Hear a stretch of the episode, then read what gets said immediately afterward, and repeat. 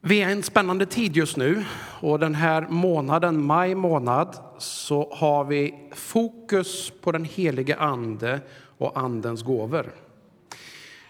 Den stora bilden, Jesus, Guds son, har blivit skickad av Gud ner till jorden för att synliggöra vem Gud är och för att fullfölja uppdraget som offer som väg till frälsning, till upprättelse, till hopp för alla människor. Han är väntad av judarna som en Messias, som räddaren, befriaren. Och de har föreställningar om att han ska bli en kung och han ska upprätta ett rike. Och så är han sin tid här och så kommer påsken och så korsfästs Jesus på ett kors. Symbolen för, för liksom det värsta mest förnedrande straffet som finns. Men så uppstår han igen. Och där kommer nyckeln, hemligheten till det som skulle göra honom till kungars kung, herrars herre, som har vunnit seger. Lärjungarna som har följt Jesus, och det var dels de tolv som vi känner igen, kanske många av oss eller har hört, men också väldigt många fler människor de har liksom följt Jesus. Det har varit stora skaror ibland. Massmöten, 5 000 som har fått äta exempelvis efter att han har predikat. Så det är bara som ett, ett under. Olika människor har mött och har lite olika relation till denna Jesus. Och så i ett nu så har han dött. Men så är det några stycken som ser honom och förstår han har uppstått. Han lever. Och Jesus har sagt åt dem här att var nu kvar här i Jerusalem. Vänta, ni ska få något som är extraordinärt, något som ni kommer behöva för att faktiskt fullfölja det som jag har planerat. Det vill säga fullfölja hela den resan av räddning, frälsning, upprättelse. Att göra det möjligt för alla folk. Ni ska få någonting som, som, som hjälper er med det. Och förra söndagen så predikade Sam här utifrån Apostlagärningarna 1. Och jag vill nu då läsa ifrån Apostlagärningarna 2. Ett eh, stycke. Det blir ett litet stycke, men jag tror att vi, vi tål att höra Guds ord en stund. Visst gör vi det? Ja, det är bra. När pingstdagen kom var alla församlade. Då hördes plötsligt från himlen ett dån som av en stormvind och det fyllde hela huset där de satt. De såg hur tungor som av eld fördelade sig och stannade på var och en av dem. Alla fylldes av helig ande och började tala andra tungomål som de ord anden ingav dem. I Jerusalem bodde fromma judar från alla länder under himlen. När dånet göd samlades hela skaran och förvirringen blev stor när var och en hörde just sitt språk talas. Utom sig av förvåning sa de, men är inte de här galileer allesammans? Dessa som talar, hur kan då var och en av oss höra sitt eget modersmål? Vi är parter, meder, elamiter. Vi kommer från Mesopotamien, Judeen, Kappadokien, från Pontos och Asien, från Frygien och Pamfylien, från Egypten och trakten kring Krene i Libyen. Vi har kommit hit från Rom, både judar och proselyter. Vi är kretensare, araber. Ändå hör vi dem tala på vårt eget språk om Guds stora gärningar. I sin häpnad visste ingen vad de skulle tro och de frågade varandra vad betyder detta. Men andra gjorde sig lustiga och sa de har druckit sig fulla på halvjäst vin. Då steg Petrus fram med de elva andra och tog till orda och talade till dem. Judar, ja, alla ni som bor i Jerusalem, detta ska ni veta. Lyssna till mina ord. Det är inte som ni tror, att de här männen är berusade. Det är ju bara morgon. Nej, det är vad som har sagts genom profeten Joel. Detta ska ske de sista dagarna, säger Gud att jag utgjuter min ande över alla människor. Era söner och döttrar ska profetera, Era unga män ska se syner och era gamla män ska ha, era gamla män ska ha drömmar. Ja, över mina tjänare och tjänarinnor ska jag i de dagarna utgjuta min ande. Och det ska profetera, och jag ska låta sällsamma ting visa sig uppe på himlen och tecken nere på jorden. Blod och eld och moln av rök. Solen ska vändas i mörker och månen i blod innan Herrens dag, den stora och strålande, kommer. Men var och en som åkar Herrens namn ska bli räddad. Det här är en häftig dag. Tänk er lärjungarna som har varit samlade, lite nedslagna. Det blev inte som de kanske hade trott. Visserligen har de sett sin mästare Jesus. Flera av dem till och med tvivlar när han som, som inte trodde riktigt. Han fick känna på Jesus i såren, i hans sida, i händerna. Men det var ändå inte riktigt som de hade förväntat sig. Han hade inte blivit den där kungen de hade inte fått några ministerplatser som kanske några i rent mänsklig mening hade tänkt. Och så är de lite disillusionerade. De är med inlåsta rejält under den här perioden. De stänger in sig, står det om man läser lite tidigare i skriften. De gömmer undan sig, de vill liksom inte finnas i det offentliga på något vis. Inte alls så frimodiga som man skulle kunna tänka sig. Men de är där. Och så rätt vad det är så händer det som inte händer normalt. Tänker det härliga ljudet vi hörde här när vi, när vi liksom eh, hälsade på varandra här. Men det händer något mycket mer. Det dånar, det blåser och så är det som eldslågor som lyser över varje person. Och så blir det ett fantastiskt kakelorium av alla möjliga språk. Kan ni tänka er, vi pratade ju bara svenska här tror jag, eller möjligen persiska eller något annat. Men huvudsak så pratade vi svenska. Och ändå så blev det ett rätt så rejält kakelorium här när vi liksom drömde om hur det blir när vi kommer till himlen.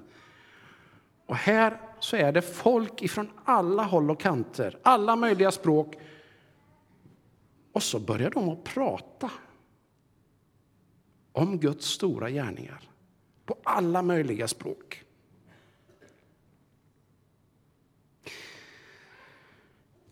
Om vi läser lite senare i samma kapitel, och jag vill gärna inspirera er alla att läsa gärna hela kapitlet när ni kommer hem. Eh, därför att det är en spännande läsning, väl värd att läsa. Men jag plockar ett sammanhang lite senare, där liksom summeringen kommer på något vis. Och då står det så här ifrån 37 versen. Orden träffade dem i hjärtat och de frågade Petrus och de andra apostlarna, bröder, vad ska vi göra? Petrus svarade, omvänd er och låt er alla döpas i Jesu Kristi namn så att ni får förlåtelse för era synder. Då får ni den heliga anden som gåva. Till löftet gäller för er och era barn och alla dem långt borta som Herren vår Gud vill kalla. Och fortsättningen talar om att det var runt 3 000 människor som som bara den dagen kom till tro och bestämde sig för det här är för viktigt, det här är för häftigt, det här kan inte vi missa. Det här vill vi vara med om. Och jag vill några minuter röra mig kring några nycklar eller några viktiga områden. Den här dagen den har liksom satt spår genom historien. Och låt mig redan från början säga här nu att vi sitter i, i en pingstförsamling som har liksom rötterna utav vad som hände den här dagen. Och vi kan kanske tycka att vi är inte så många här i Karlstad. Vi är kanske 130-150 personer i den här kyrksalen just nu. Men vet du, verkligheten är den att vi tillhör den största eller mest växande kristna delen runt om i världen som växer mest just nu. Det vill säga att Andens folk, eller de som kallas för karismatiska, vilket de kallas en pingsförsamling eller inte, men som bejakar det som hände den här dagen, det är de som växer allra mest. Så det sprakar i alla jordens delar. Låt oss inte glömma det. Vi må vara kanske inte så många här i Karlstad, men vi hör till den familjen, den gemenskapen, den släkten som liksom växer Kanske precis så som Jesus säger här, över alla människor ska jag utgjuta min ande. Eller som Petrus förklarade utifrån vad Jesus hade sagt. Löftet, det gäller dig. Det gällde dem, det gällde deras barn. Och ända så långt som överhuvudtaget man kan sträcka sig så långt som någon vill kalla Gud. Och läser vi andra ställen så är det uppenbart att när man Gud vill sträcka sig till jordens yttersta gräns. Varenda en. Alla åldrar finns med. Profeten Joel han inkluderar alla, kvinnor och män, unga, gamla. Alla blir på ett eller annat sätt berörda av den heliga Ande, Guds ande. Alla folkslag kvinnor och män, alla åldrar.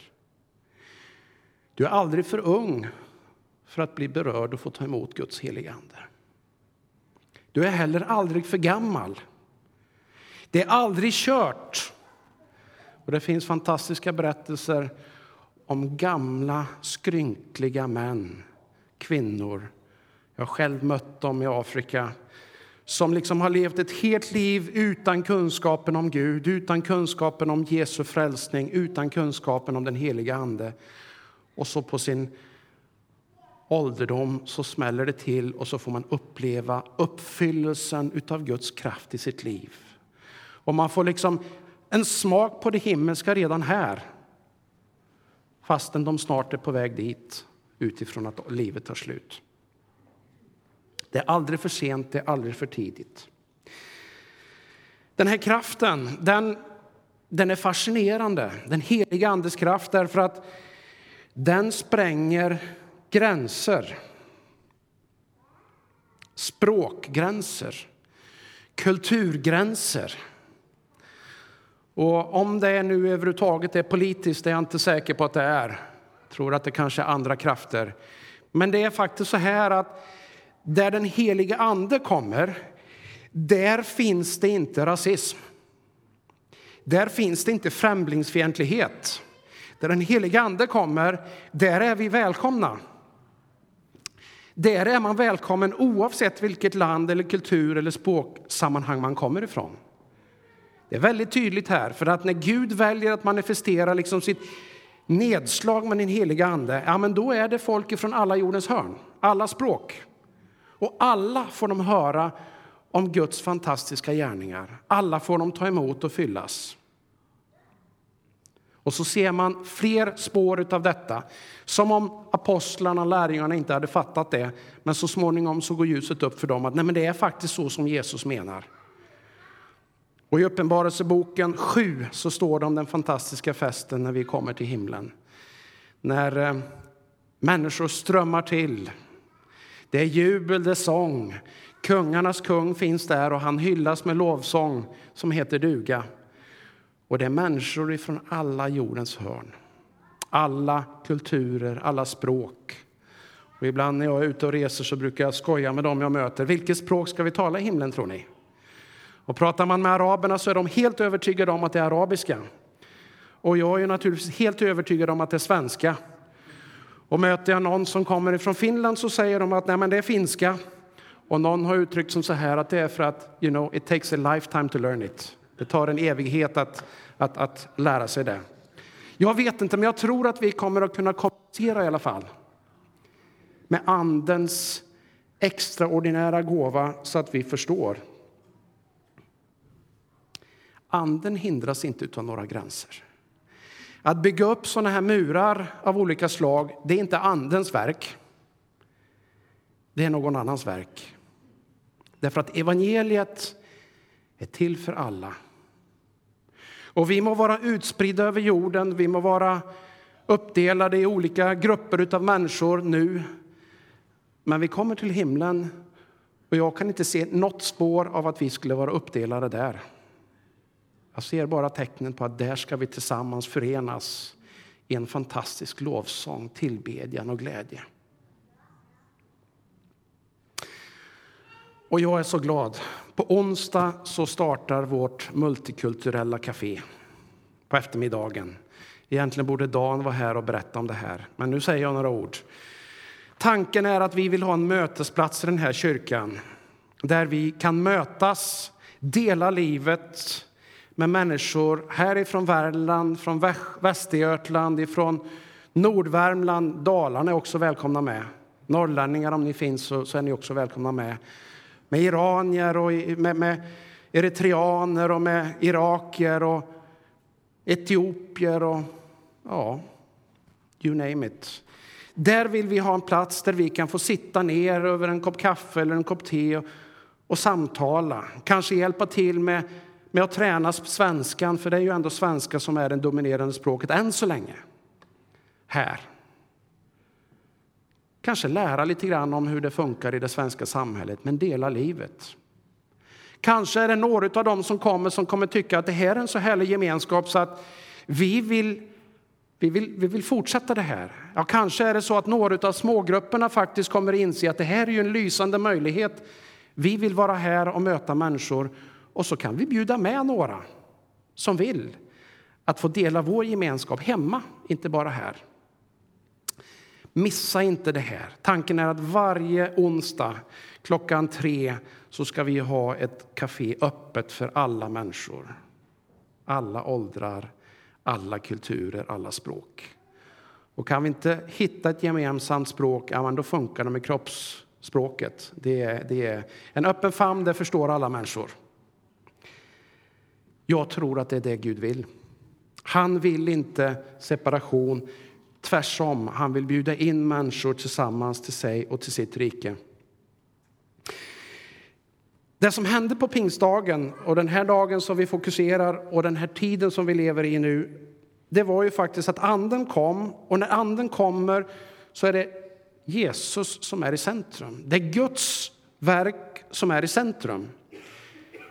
En del kan tycka att när anden kommer och manifesterar sig, kanske med profetiska tilltal, kanske med tungotal, kanske med något annat, så kan ibland människor sättas i centrum. Och det beror nog mer på att det, vi är människor, vi är mänskliga, vi har inte ännu liksom nått dit som Gud vill i alla avseenden. Absolut inte jag har inte gjort det. Men det jag kan se det är att Andens verk, det som är liksom kännetecknande för Anden, det är att han upphöjer, han ger kunskap, han sätter Jesus i centrum. Och någonstans så är det så att den heliga Ande blir den här hjälparen, den här turboladdaren som gör det möjligt att trycka på ett steg till när det känns som uppförsbacke. Och så trycker man på gasen och då laddar turbon in och då trycker det bara uppför fastän jag egentligen inte i egen kraft klarar det. Att sätta Jesus i centrum, att berätta berättelsen. Vem är Jesus? Vad betyder han för mig? Här, lite längre bort, till jordens yttersta gräns. Emil nämnde att anden är en försmak på det himmelska. Ni vet, här på jorden så har vi ett antal naturlagar som i mångt och mycket, kanske det allra mesta, styr vad som händer och sker för att Gud har skapat det så. Men du vet, i Guds värld, utanför de här begränsningarna, så är allt möjligt. Och när Gud kommer hit med sin ande, då är det saker och ting som normalt inte är möjligt som faktiskt blir möjligt. Visst är det lite fascinerande? Visst är det lite spännande?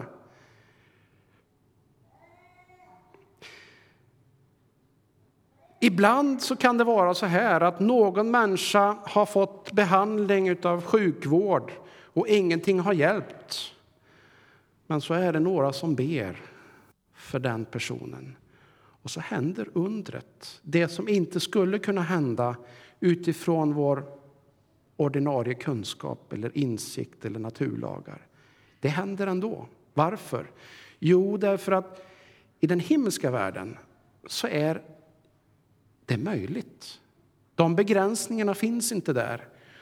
Och ibland, inte kanske som att trycka på en knapp, för Gud är inte en maskin.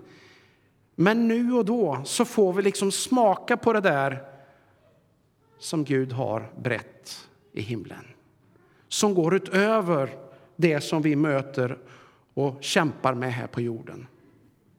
En smak. Ibland så handlar det om vishet som någon kan få vara med och så där lite gudomligt ge dig in i en sån situation. Jag har själv varit med om det. När någon har fått gett mig ett vishet eller kunskapens ord eller ett profetiskt tilltal. Och låt mig berätta några egna erfarenheter. Dels av det jag själv har fått se och höra med egna ögon. Men låt mig börja med en berättelse av min gode vän Palle. Palle han eh, jobbade i en kyrka som pastor. Och en dag så var han på sin eh, expedition. Han berättade det här för mig för, för inte så länge sedan. Han var på sin expedition. Och rätt vad det är så, så känner han bara så där, någonting börjar bulta inne i, du ska gå ut på gatan. Jag vet inte om ni har varit med om det någon gång. Men någonting är det som liksom gör att han kan inte sitta still där inne. Du ska gå ut på gatan. Han vet inte vad han ska göra eller någonting, men han går ut. Och när han kommer ut så tittar han sig runt och vet inte vad ska jag göra här. Men så får han se en kvinna som han känner igen, som han har sett förut men som han inte har riktigt, riktigt koll på. Och så tänker han, det är nog bäst att jag hälsar, hälsar på henne för att annars så tycker hon att jag är oart och jag är ändå pastor i den här kyrkan. Tänk om det är någon som jag borde känna. Och så hälsar han på den här kvinnan. Och så visar det sig att den här kvinnan har en gång funnits med i kyrkan, en gång haft en levande tro på Gud. Så hände någonting som kan hända ibland i livet. Det gjorde att hon liksom distanserade sig från den gemenskapen och fanns inte där. Och så hade hon många, många år senare nu då kämpat och på något vis gett Gud en sista chans. Hon hade bett, visa dig om du verkligen finns och vill mig någonting. Hon hade gjort några steg och ingenting hade hänt. Och så hade hon varit i Stockholm och på vägen tillbaka så säger hon, Gud, nu, nu får du sista chansen. Jag vill att pastor Palle från Pingkyrkan på den platsen kommer ut, möter mig i stan idag. Det får bli ditt tecken. Om, om du finns och verkligen bryr dig, då, då ska du göra det. Just den tiden när hon kommer ifrån tåget och är på väg därifrån, då liksom bultar det som starkast och han kommer ut, har ingen aning om det här, men de får ett fint samtal som liksom gör att hon kommer tillbaka och in och blir den, den lyckligaste och gladaste människan in i gemenskapen igen. Låt mig ta ett annat vittnesbörd. För eh, ett antal år sedan så satt jag där under i bönesammanhanget. Vi hade en, en samling av något slag och så hade vi två av våra gamla härliga tanter, damer, Eva och Birgit som hade gett sitt liv för Japan. Och De kunde flytande japanska, det kan inte jag. Jag har inte ens varit i Japan, även om det är många länder jag har varit i. Och så är vi där och ber. Och jag fick som grabb ta emot det här liksom språket. Mitt bönespråk, som här talas om att tala i tungor, att, att, att liksom få, som anden inger, tala utan att man själv kanske begriper ens vad det är för någonting man säger. Och jag bad på det sättet. Det är inte så ofta som jag gör det offentligt. Jag gör det när jag är för mig själv eller kanske en liten krets. Men där gjorde jag det uppenbarligen så att de hörde. Och så efter en bra stund så säger de så här. Vet du om att du har talat japanska idag? Nej, sa jag. Då visar det sig att både Eva och Birgit de har hört mig säga någonting, en mening på japanska som var så där precis in i deras liv, vad de behövde just då Jag ska ta ett tredje exempel. Och de här exemplen de berättar jag inte för att på något vis skryta eller lyfta upp någon. Det är bara nåd. Man kan aldrig kvalificera för Andens gåvor. Man kan bara ta emot dem av nåd.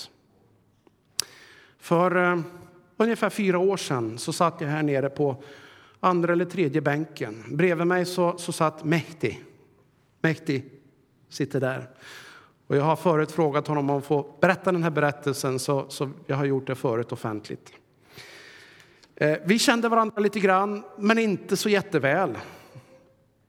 Jag kommer inte ihåg vad predikan handlade om, jag kommer inte ihåg så mycket av mötet, men någonstans i den gudstjänsten så känner jag bara hur mitt hjärta börjar klappa. Eller ungefär som när mobiltelefonen är i tystläge och den vibrerar. Har ni varit med om det? Lite grann så var det inne i mitt hjärta. Nu är det dags. Nu är det någonting som du ska säga. Och jag fick liksom klart för mig, jag hade en hälsning till Mehdi. Och jag ska inte måla ut detaljerna i det. Men verkligheten var att precis den dagen hade Mäktig varit liksom sådär i en känsla av att vilja ge upp. Nej, nu får det vara nog. Nu, nu, nu ger jag mig ifrån det här sammanhanget. Gud, idag, nu får du visa mig. Nu får du ge mig ett tydligt besked. Och ni kan prata med mäktig och få det verifierat senare. Idag vill jag att du ska säga någonting. Och uppenbarligen det jag fick framföra så där bara, jag la armen om mäktig. Jag tror att jag har en hälsning från Gud till dig. Pröva det. Och så berättade jag det jag hade fått. Och vad jag förstår så var det precis mitt i prick utav det som han hade bett Gud om. Den här samma dagen, samma tidigare, idag. Alltså, den heliga Ande kommer med någonting som är utöver det vanliga. Som är lite pirrigt, lite skrämmande kanske ibland, men också väldigt spännande. Och vet du, du är inkluderad i det löftet. Du kan få del av det. Du kan liksom få den här möjligheten att uppleva både tungotalet som ett bönespråk som du kan vara få bubbla som en källa i ditt liv att be när du är själv. Men du kan också få del av någon av de andra gåvorna.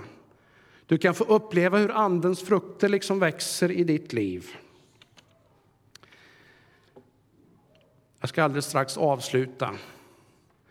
Och jag vill att ni ska vara med och be tillsammans med mig för några saker. I min IBRA-roll och i vår församlings engagemang internationellt så står vi just nu där vi, vi stödjer Brolins, familjen Brolin som finns i Bangkok. En storstad på någonstans 15 miljoner upp till 30 beroende på vart man drar gränserna. Men 30-35 inom en timmas bilkörning är det i alla fall. En gigantisk stad. Jag var där för, för en månad sedan ungefär.